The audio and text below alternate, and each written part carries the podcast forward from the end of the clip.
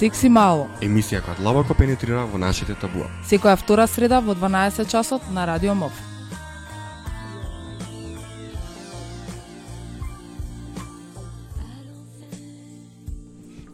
Здраво, еве на повторно во студиото, уште една среда со вас, јас Маца, Веле и Ани, стандардната тројка. Денеска ќе Значи сме зборуваме... четворица, јас, Маца, како кажа, јас, Маца, Ани, Веле, четворица. да, тоа заради моето алтер его. Да, да, да. Маца пута два се брои. Не, мислам, а, еден период нели Маци беше со нас, меѓутоа заради обврски моментално не може да биде дел од нашиот тим. Се надеваме дека од а, наредната емисија ќе имаме некои мали промени во тимот, меѓутоа за тоа од таму после две Потом, потом, недели. да, ама затоа тука е Були секојаш како морална поддршка од, од страна на МОВ. Апсолутно. Јеј, Були. Апсолутно, не може да помине и- емисија без, без апсолутно. Апсолутно така, така. А, и покрај тоа што сме тројца, ние остануваме као тројца, нели као а, водачки на оваа емисија, така да очекуваме уште еден член нели наш. Ја ти А две се до тогаш, да, се до тогаш ние ќе бидеме тука и ќе си водиме емисија. И ќе ве информираме за се она што е ново, што се случува во светот, бидејќи некако така ова овој циклус го започнавме со два глобални настани, ако ви текнува од минатата емисија, зборувавме за меѓународниот ден на контрацепција и за меѓународниот ден за безбеден пристап до абортус. А денес исто така била напомену што мина пред две недели всушност, а дека ќе зборуваме за еден малку поглобален настан, поголем настан што се случува на светско ниво. Односно денеска ќе зборуваме за прославата на 60-тиот роден ден на Меѓународната федерација за планирано родителство, односно на англиски International Planned Parenthood Federation. Во понатамошниот дел на емисија, мислам да ќе ја викаме IPPF, значи Да, да, да не биде ме да, забуни. не биде, да, скратено, за да не биде дугачка сега да го кажуваме меѓународен фонд сличното, ецетра, ецетра. Така, значи IPPF се однесува на оваа организација. Сега веројатно на нашите слушатели малце ќе им биде чудно зошто сега ние зборуваме за ова и што всушност представува оваа организација, како Хера е поврзана со неа и слично. Токму затоа и првиот блок од оваа наша денешна емисија ќе биде посветен малце на историските факти околу IPPF. Значи IBPF е формирана негде во раните 1950 години, каде што група на, мла, на мажи и жени почеле кампања за да ги зголемат а, женските права, посебно во однос на нивното право нели на раѓање, на нивното право на планирање на семејство. Веќе и тогаш планирањето на семејството било нели спомнувато, начнувано како едно од основните човекови права. Исто така било вклучено во повеќе конвенции кои што биле донесени, меѓутоа сепак немало нека таква глобална активност и до тогаш како што се случило со оваа група на на мажи и жени. И од тогаш всушност од 1952 година на третата интернационална конференција за планирано родителство осум национални асоциации кои што се занимавале баш со оваа тематика ја формирале интерна... интернационал меѓународната извината федерација за планирано родителство, односно IPPF. Значи, Евена, сега 60 години подоцна, истата таа федерација функционира безпрекорно на секаде ни светот. Таа опфаќа 152 земји членки, односно организации членки, а, работи во 172 земји, води дури 65.000 точки на давање на услуги, значи даваат најразлични услуги, од кои што во последнава година, во 2011 тие пружила дури 89 милиони услуги кои што се однесувале на сексуалното и репродуктивното здравје на луѓето. Јас сум извинимаc со тука ќе те субацам, само сакам да кажам дека а, IPPF ако како што кажавме вака, изгледа дека е само нели како хера организација во сместена само во една канцеларија дека ги менеджира сите работи од таму. Мислам дека а, сите овие бројки се фрампантни и многу значајни, но дека IPPF а, се состои од а, шест региони, а, на Европа и Централна Азија се смета како еден еден регион, впрочем ние сме дел од тој регион, понатаму имаме а, другите региони се нели Африка, Азија, западна хемисфера каде што нели се Северна и Јужна Америка, значи вкупно се шест региони каде што IPP работи, сегде си има една главна канцеларија која од каде се раководат а, сите проекти со цел нели полесно а, да се менаџира, но она што е заедничко за сите што се вклучени во IPPF е целиот тој ентузијазам и волонтеризам со цел да се унапреди унапреди сексуалното и репродуктивното здравје права на на на да младите и на сите луѓе во светот.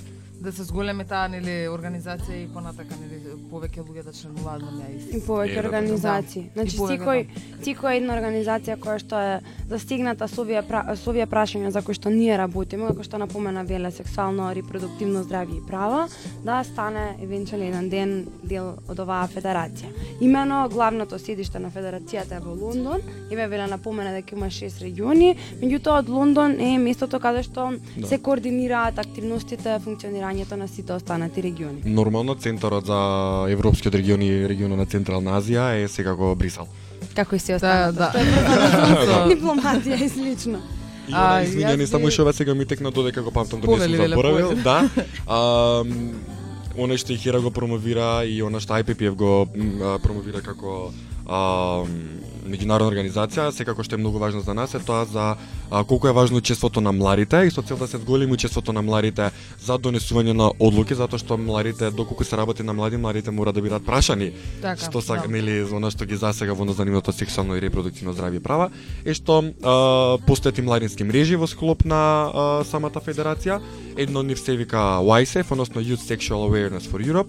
Таа младинска мрежа под закрила на IPPF за регионот на Европа и Централна Азија и која што ги а, здружува сите млади од а, а, асоцијативните членки, Така, односно од членките како невладини организации кои што членуваат во, во организацијата. IPP. А, исто така, мислам дека горе доле опативме што е она всушност IPPF, за што станува збор. Исто би сакала пред да направиме една пауза, бидејќи мислам дека е време да се прави пауза уште малце, а да напоменам уште неколку работи. Мислам сега не им дојде онака чудно како што кажав и на почеток на слушателива, а зошто ние зборуваме за оваа федерација. Пред се сакам да истакнам дека Хера е полноправна членка од неколку години на IPPF и токму заради тоа дека ние сме членки, а се раководиме по некои принципи, се раководиме по некои модули кои што а, ги работи, ги прави IPPF и токму заради тоа даваме и волкава важност на овој 60-ти роден ден на на оваа федерација. Така. Ане, сакаш да дополниш уште нешто? Да, јас сакав само накратко да дополнам на на муабетот предходно да се надоврзам за околу давањето на услуги и сервиси.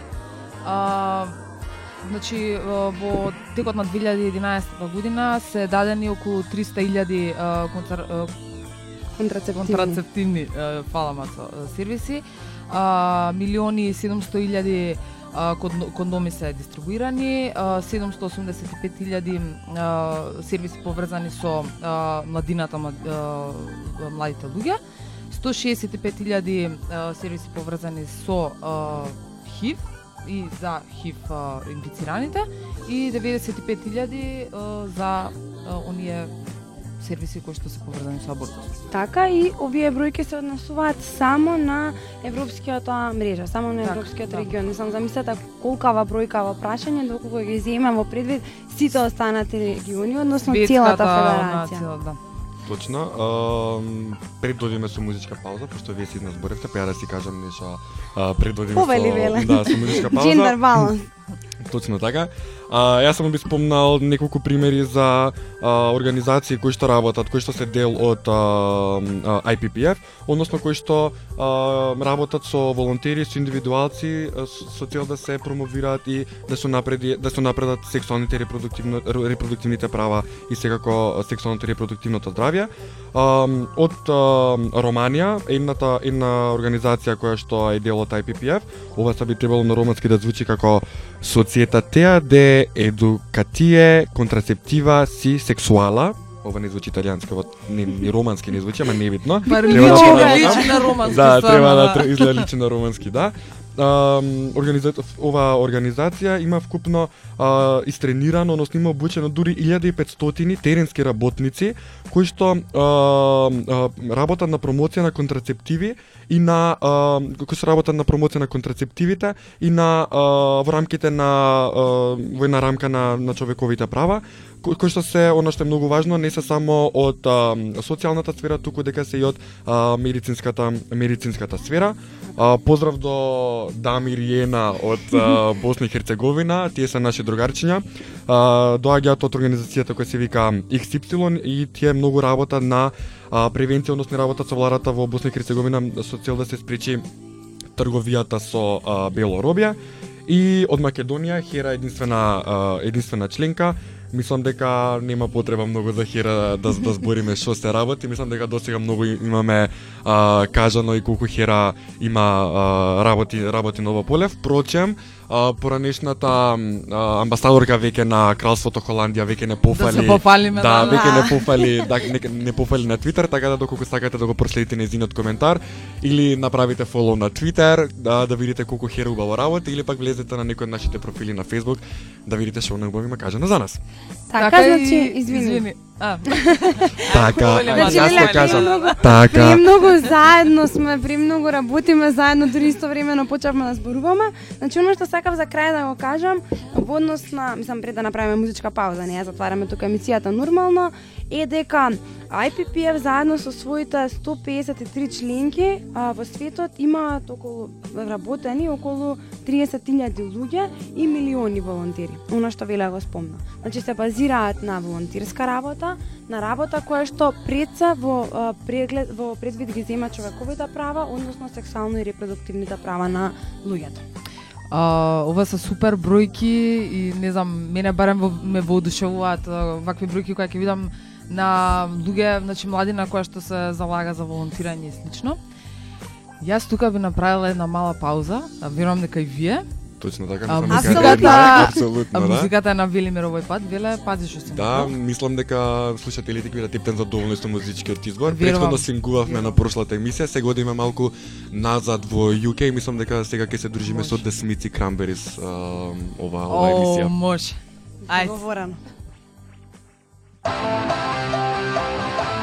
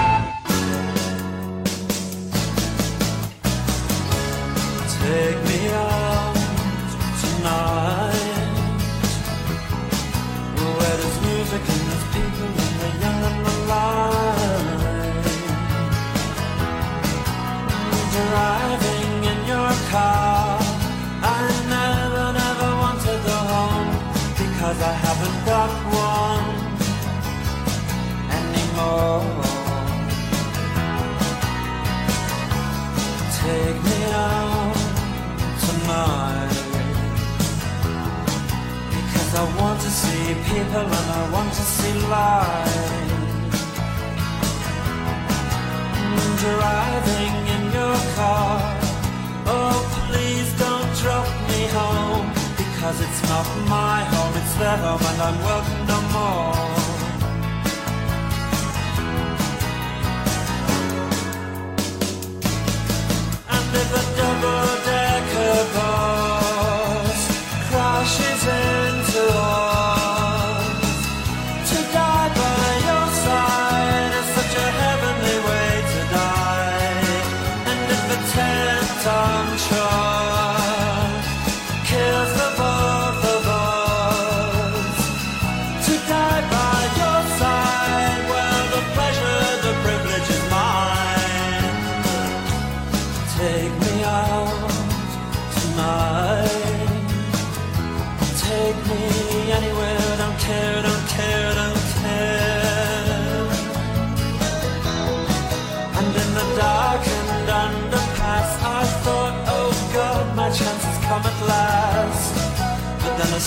Strange fear gripped me I just couldn't ask.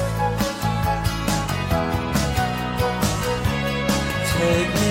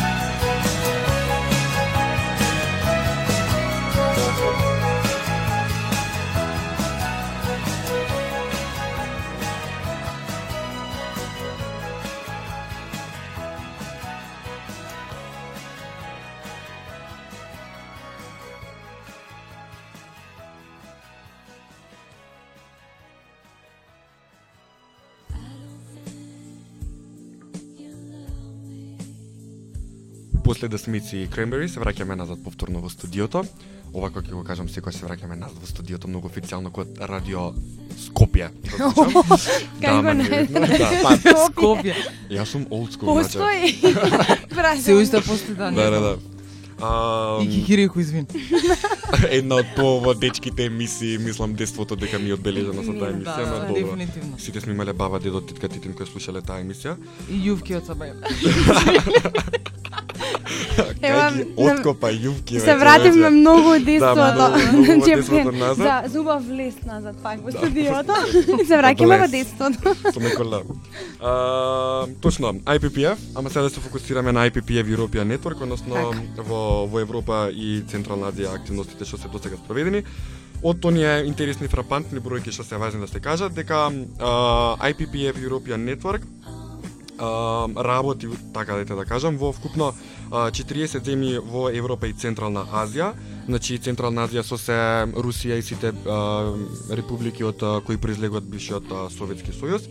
А, в- до, во 2011 само еве како една една бројка за споредба 19 а, а, организации имаат вкупно дадено 7, над 700.000 а, услуги во врска со сексуално и репродуктивното здравје, така да може да замислиме колкава е таа бројка за за вкупното начин тотал со сите а, со сите 40. И она што е многу она што е многу важно зашто ќе кажав овие а, над 700.000 услуги во тие 19 организации кои што имаат сработено дека а, Најголемиот дел од овие а, услуги се а, дадени точно на млади кои што се на возраст под 25 години. И затоа една од причините зашто IPPF а, толку е успешна организација е што секојаш ги има вклучено младите во во нивната ете така да кажам политика и начин начин на работа, впрочем затоа и постојат младинските младинските младинските мрежи. А, исто така она што е многу важно дека досега се вкупно сработени во текот на 2011 успешно се донесени или во се работи се уште во тек на 42 национални политики и легислатива во однос на а, поддршка на сексуалното и репродуктивното здравје на национално ниво, односно работа со а, владини и невладини организации на, на, на национално ниво. Токму така, значи едноставно целта на акселерацијата е а, да се направи што е можно повеќе во однос на напредување на сексуалните права, во однос на унапредување квалитетот на животот на секоја една индивидуум. Значи токму заради тоа постојано се работи, постојано се работи на подигнување на свеста на самите луѓе, на самите држави, на самите млади во крајна линија. Ете така, она што исто важно да се да се спомене е дека многу од организациите значи не работат на се затоа што генерално темата која ние работиме, односно сексуалното СРЗП, сексуалното и репродуктивното здравје и права, е една огромна тема широко поле на работа, така да дел од ам, ам, членките на IPPF, некои се фокусираат и работат само на прашањето во врска со абортус, некои се сосема а, вклучени само во однос на интересите на младите и нивното здравје и права, други дел а, дру- други пак а, работат на а, а, на контрацепција, на на не знам на а, нудење на услуги во однос на Така. како што се нашите центри сакам да знам, така да а, многу од организациите се колку што работат слично, толку и се сами различни во основа на нивната нивната структура.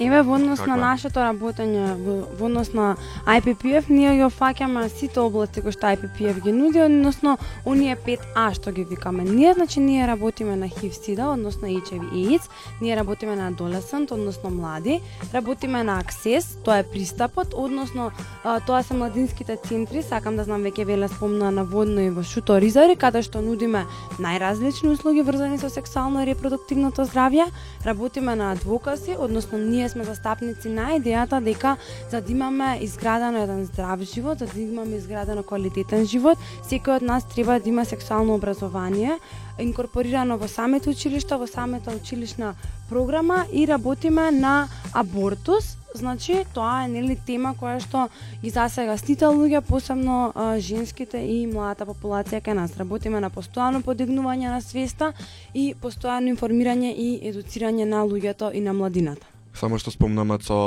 едно една од темите кажа а, здравје, она го спомна и ми дојде баш она мислам дека е многу актуелно овие два дена после изјавата на министерот што се се дефинира како а, здрава околина, здраво семејство, здрава индивидуа. Така Здрави да прилично да здрави деца и нација, мислам дека а, опозицијата излезе со еден став, а, владата излезе со еден став после изјавата на на министерот, интелектуалците и а, оние што работат како а, што се дел од невладиниот сектор, исто како нас излегува со реакција, мислам дека се отвори на а, голема дебата, така да би било многу убаво сите оние што се заинтересирани да ги проверат не само нашата страна на на на Хера или оние што не следат на Твитер, тука се и МОВ, тука се сите други невладни организации како што се LGBT United или коалицијата за коалицијата, така да а, мислам дека многу би било фино доколку ја прата целата таа дискусија, мислам дека многу убав заклучок може може да извлечат од, од тука.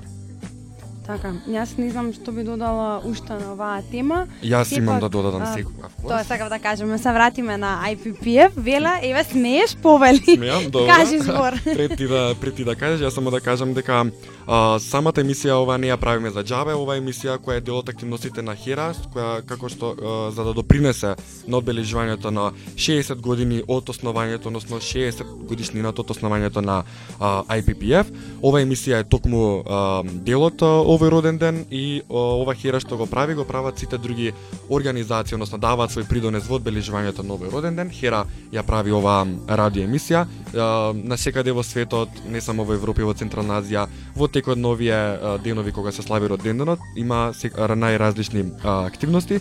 Впрочем, а, има и на се вика IPPF, зашто се вика IPPF 60, затоа што слави 60 години, но затоа што роденденов се, шла, се слави во тек се слави, се слави во тек на а, 60 дена, имаме вкупно 6 региони каде што се работи, така да во овој момент во текот на оваа недела секаде широм светот многу многу се работи. Впрочем, ова започна пред ден два на 14 два дена иде, слаб сум со бројки, на дена, 14 Не, а, три дена, 17 сме денес. Добро, така? ти си ти си за Македонски месец со бројки, треба подобро да си. А, одбележувањето започна на 14 октомври и ќе трае се до 23 октомври, односно 10 дена акција. Така. А, значи, Веле веќе спомна дека Хирак има своја активности нормално, дека една од тие активности оваа емисија која што ние правиме денеска, би сакала уште да истакнам дека и другите, како што кажа Веле, земи прават некои активности, па така, например, во а, Грузија тие ќе се издадат годишна книга која што ќе содржи одредени информации, се социјални цел да го прослават роденденот. Во Узбекистан ќе имаат акции кои што се во форма на игра, ќе се поставуваат најразлични прашања, како на пример што, кога, ко, каде, пардон, во врска со сексуално репродуктивно здравје, во врска со сексуални права, во врска со ХИВ, СИДА и сексуално преносливи инфекции и така натака, значи буквално секоја една членка ќе си даде свој допринос во ова глобално славење на 60-тиот роден ден на мрежата. И она што доколку сакате визуелно тоа да го видите како е прославено и какви се пораки се пратени до сега, слободно влезете на, на, на YouTube, напишете IPPF at 60, ќе ви излезат многу интересни видеа што е IPPF и зашто е толку тоа значајно и а, придонесот на младите, ќе ви излезе едно видео а, во а, како се вика тие страна кога излагаат видеата? Тие страна што од страна излага. што излага. Тие страна се излагаат видеата. Едно тие видеата е за а, YSEF, односно како младите од YSEF, односно младинската мрежа под закрил на IPPF, а, смета а, што е досега сработено и на што се IPPF винина треба да се фокусира. Па се пофали хера, едно мен, има мене таму, последен ако сакате да ме видите, јас последен а, тресам Значи, глупости на чекајте крај. го да, чекајте го Велимир Савески, ќе го видите, таа фаца не се заборава, значи тоа е тоа. А, бидејќи ја морам да пресечам овде затоа што ако ги оставиме Марија и Велимир ќе зборат до утре. Ова ни репо ми Така се враќа да. со Велимир, ама убаво звучи добро. Велимир, да. Значи, Да бидеме официјални. Многу сме се да. разбореле. Да, дури сум сериозна моментално. А јас би рекла дека може да отидеме со уште една музичка пауза. Велимир, повторно твој избор. Of course, Cranberries или Смит, не знам, боли. Ајде, пуцај.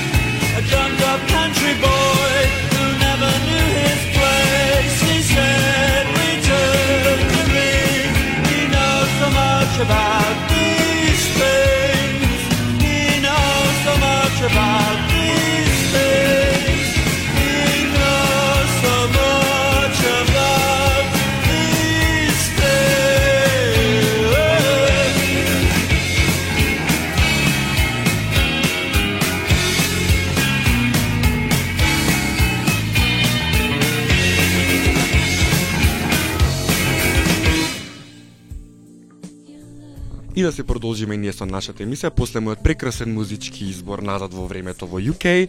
А, јас нема многу сега да зборам овој пат, пошто мислам дека прилично се изназборев и така ни ми праќа еден поглед цело време, така да слободно ја да, и шарет.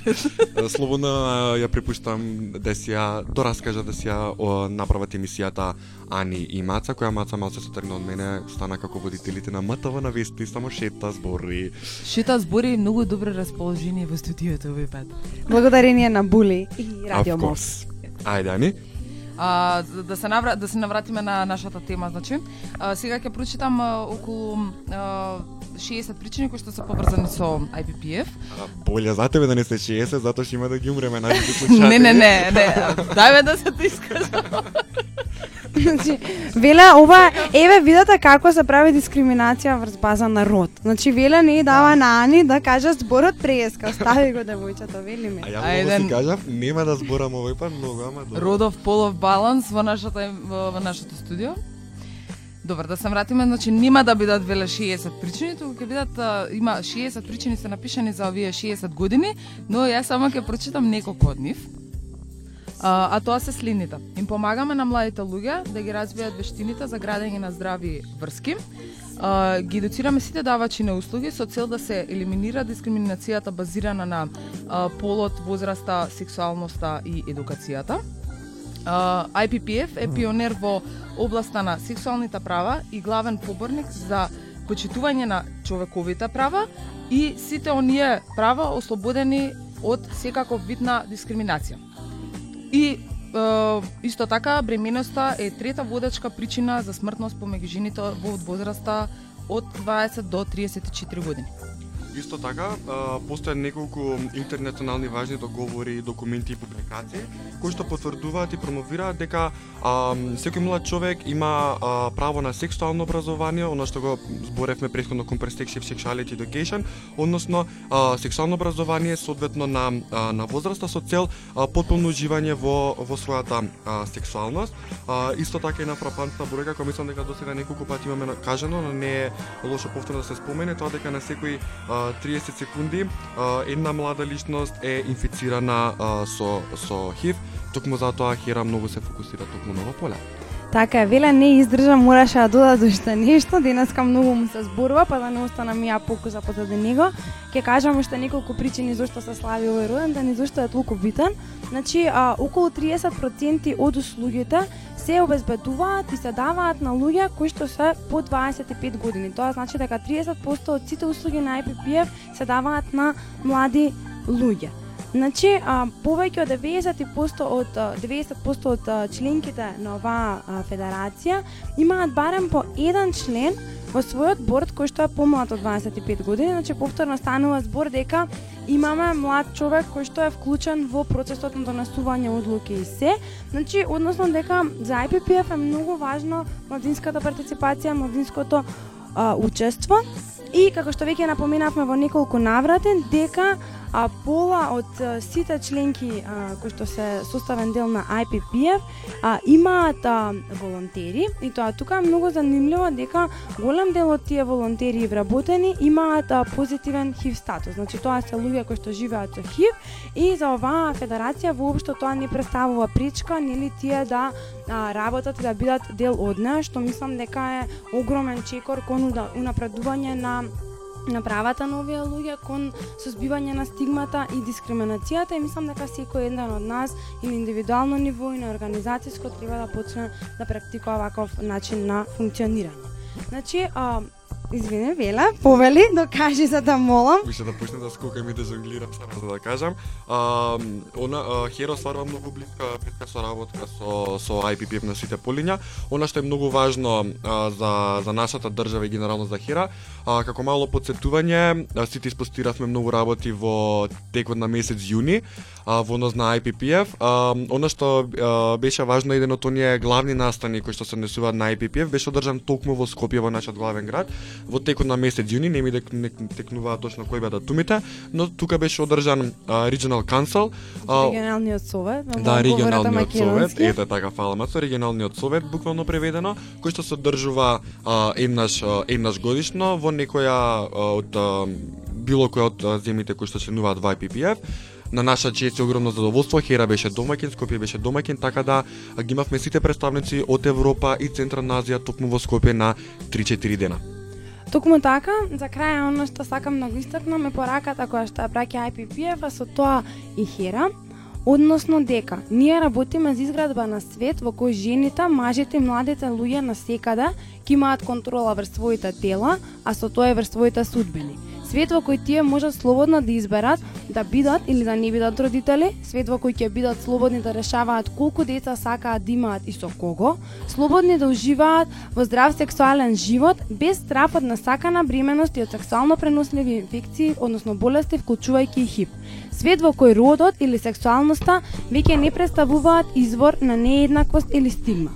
Ние нема да отстапиме од целта да сториме се што можеме за да ги заштитиме овие важни можности за избор и овие права за денешните и за идните генерации. Јас верувам дека на вистина и ние како млади луѓе тука во студиото нема да отстапиме од овие принципи, ќе се држиме до нив и ќе се бориме за воспоставување нели на еден по-фер свет би кажала јас по фер свет и еднаков за еднаков за сите и свет кој нуди еднакви можности за сите. Ја мислам дека ова после поетски, ептен поетски убаво кажано, а, кажан завршеток а, за оваа емисија дека беше сосема сосема доволно, мислам дека секој коментар е сувишен и јас треба да прекинам да зборам за да не биде секој коментар сувишен, така да а, чао од мене, во оставам сега во раците на Ани. Јас би требало тука да одјавам емисијата. Значи ве одјавувам емисијата. и слушајте не за две среди, за две недели, пардон, во среда, во 12 и 15 часот на Радио МОВ. Е, Ние ќе бидеме повторно тука со, се надевам, уште еден член, нели? Во нашиот тим тема. и на други интересни теми. Со твој музички избор. Со мој па, Да а Мацо, ти кога ќе бидеш со музички А, Маца остапува од музичкиот па супер. Мати има само да каже сега едно чао до сите наши слушатели. Чао, слушајте на пак за две, за две недели. Поздрав и од мене.